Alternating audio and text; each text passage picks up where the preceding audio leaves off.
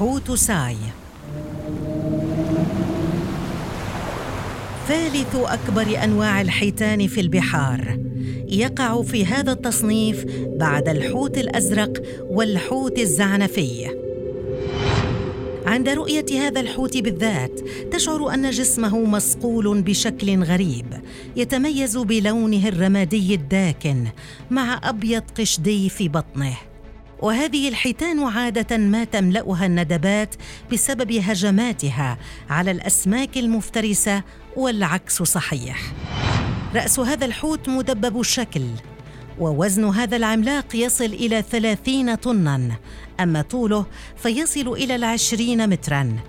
وأيضاً زعانف هذا الحوت تعد صغيرة نسبة لحجمه فهي منجلية الشكل ومقوسة. وطولها يصل فقط إلى الستين متراً. عادة ما تبقى هذه الحيتان قريبة من سطح البحر وهي من أسرع أنواع الحيتان. تبحر بسرعة تصل إلى 60 كيلومترا في الساعة. وهذا الحوت من الحيتان البالينية إلى أنه لا يملك الأسنان بل يمتلك صفائح تحوي تهدبات تعلق فيها فرائسه. وهذا يحدث عن طريق فتح فمه وتصفية غذائه من الماء. من خلال هذه الصفائح الهدبية يحتاج هذا الحوت تقريبا إلى طنين من الطعام يوميا. ويتغذى على القشريات والعوالق وبعض أنواع الأسماك عن طريق البلع.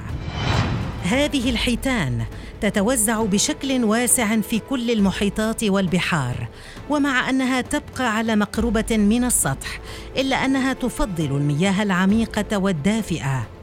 فتهاجر عند الشتاء وتعود عند الصيف.